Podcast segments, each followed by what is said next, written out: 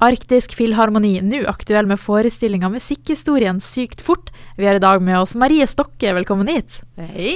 Kan ikke du starte litt med å fortelle hva handla den forestillinga om? Musikkhistorien sykt fort.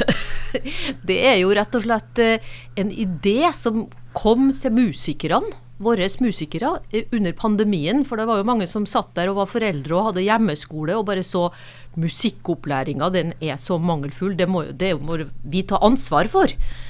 Og så kom den ideen at eh, hva om vi får med han Finn Arve Sørbø eh, til å liksom lage en, en, forestilling om det, og så får musikerne liksom velge det som de tenker er skikkelige klassikere, som de elsker å spille. Så det er egentlig det musikkhistorien er. Og så har vi gjort et lite grep fordi dette skulle være for ungdom.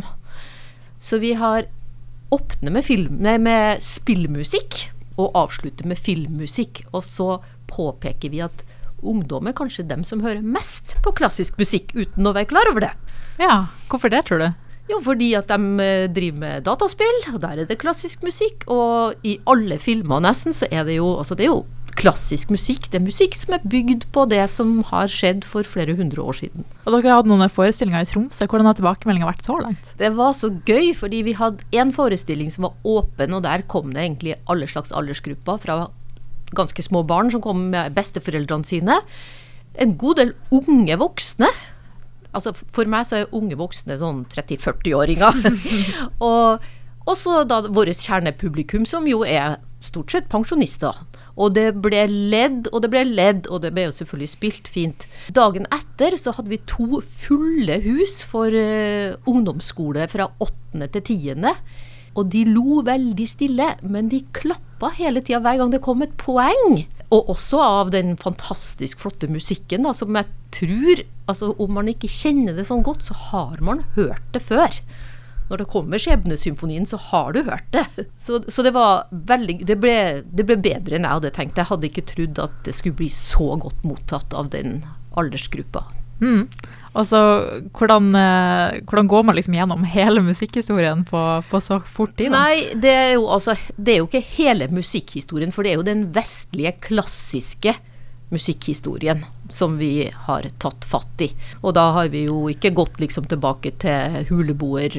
Vi, det er jo 300 år tilbake. Og så har vi hatt ei lang liste som vi har bare skrella og skrella og skrella. Så at denne og denne må i hvert fall være med. Så det varer 50 minutter til sammen. Og så På fredag klokka 14 så er det jo skolefri, og da skal dere altså ha en forestilling for unge som er gratis. Hvorfor hadde dere lyst til å gjøre det? Vi hadde jo egentlig en sånn eh, stor tanke om at hvis vi skal spille for ungdom, så må vi komme der ungdom er. Og vi skjønner jo det at ungdom kjøper ikke billett på Arktisk Filharmoni for å komme i Stormen konserthus. Det ville jo aldri skje.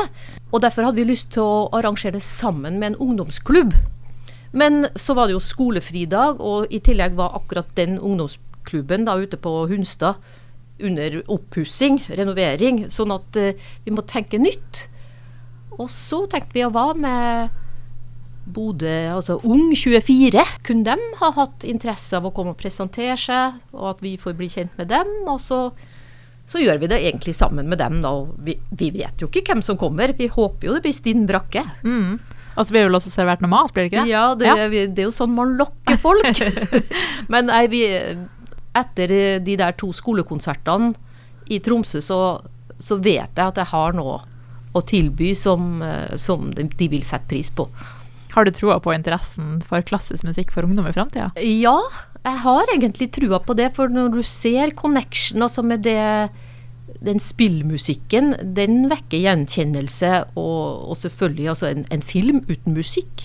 Det vil jo være helt uh, meningsløst, rett og slett. Sånn at uh, alt det der henger jo sammen. Og når de får høre det, de fantastiske verkene som musikerne har valgt ut, så, så blir de solgt. Mm. Og så lurer på For de som kanskje ikke, eller spesielt unge som kanskje ikke kjenner til Arktisk Filharmoni fra før, kan du gi en kort sånn forklaring hva dere driver på med? Ja, Arktisk Filharmoni det er jo eh, 20 musikere som er basert i Bodø, og 20 musikere som er basert i Tromsø, som av og til møtes og utgjør et større orkester. Men i musikkhistorien sykt fort så er det kun våre strykere, altså de som spiller fiolin og cello og sånn. De er bare fem stykker. Så på denne forestillinga så er det fem som utgjør Arktisk Filharmoni. Så ja. Vi er Arktisk Filharmoni om vi spiller med én, eller om vi spiller med 50. Mm. Og så lurer jeg på helt til slutt, da, hvorfor skal folk ta turen og se på forestillinga? Fordi klassisk musikk, det har noe å tilby til alle følelser. Så det anbefales. Supert. Tusen takk og masse tvi-tvi på konsertene. Velkommen!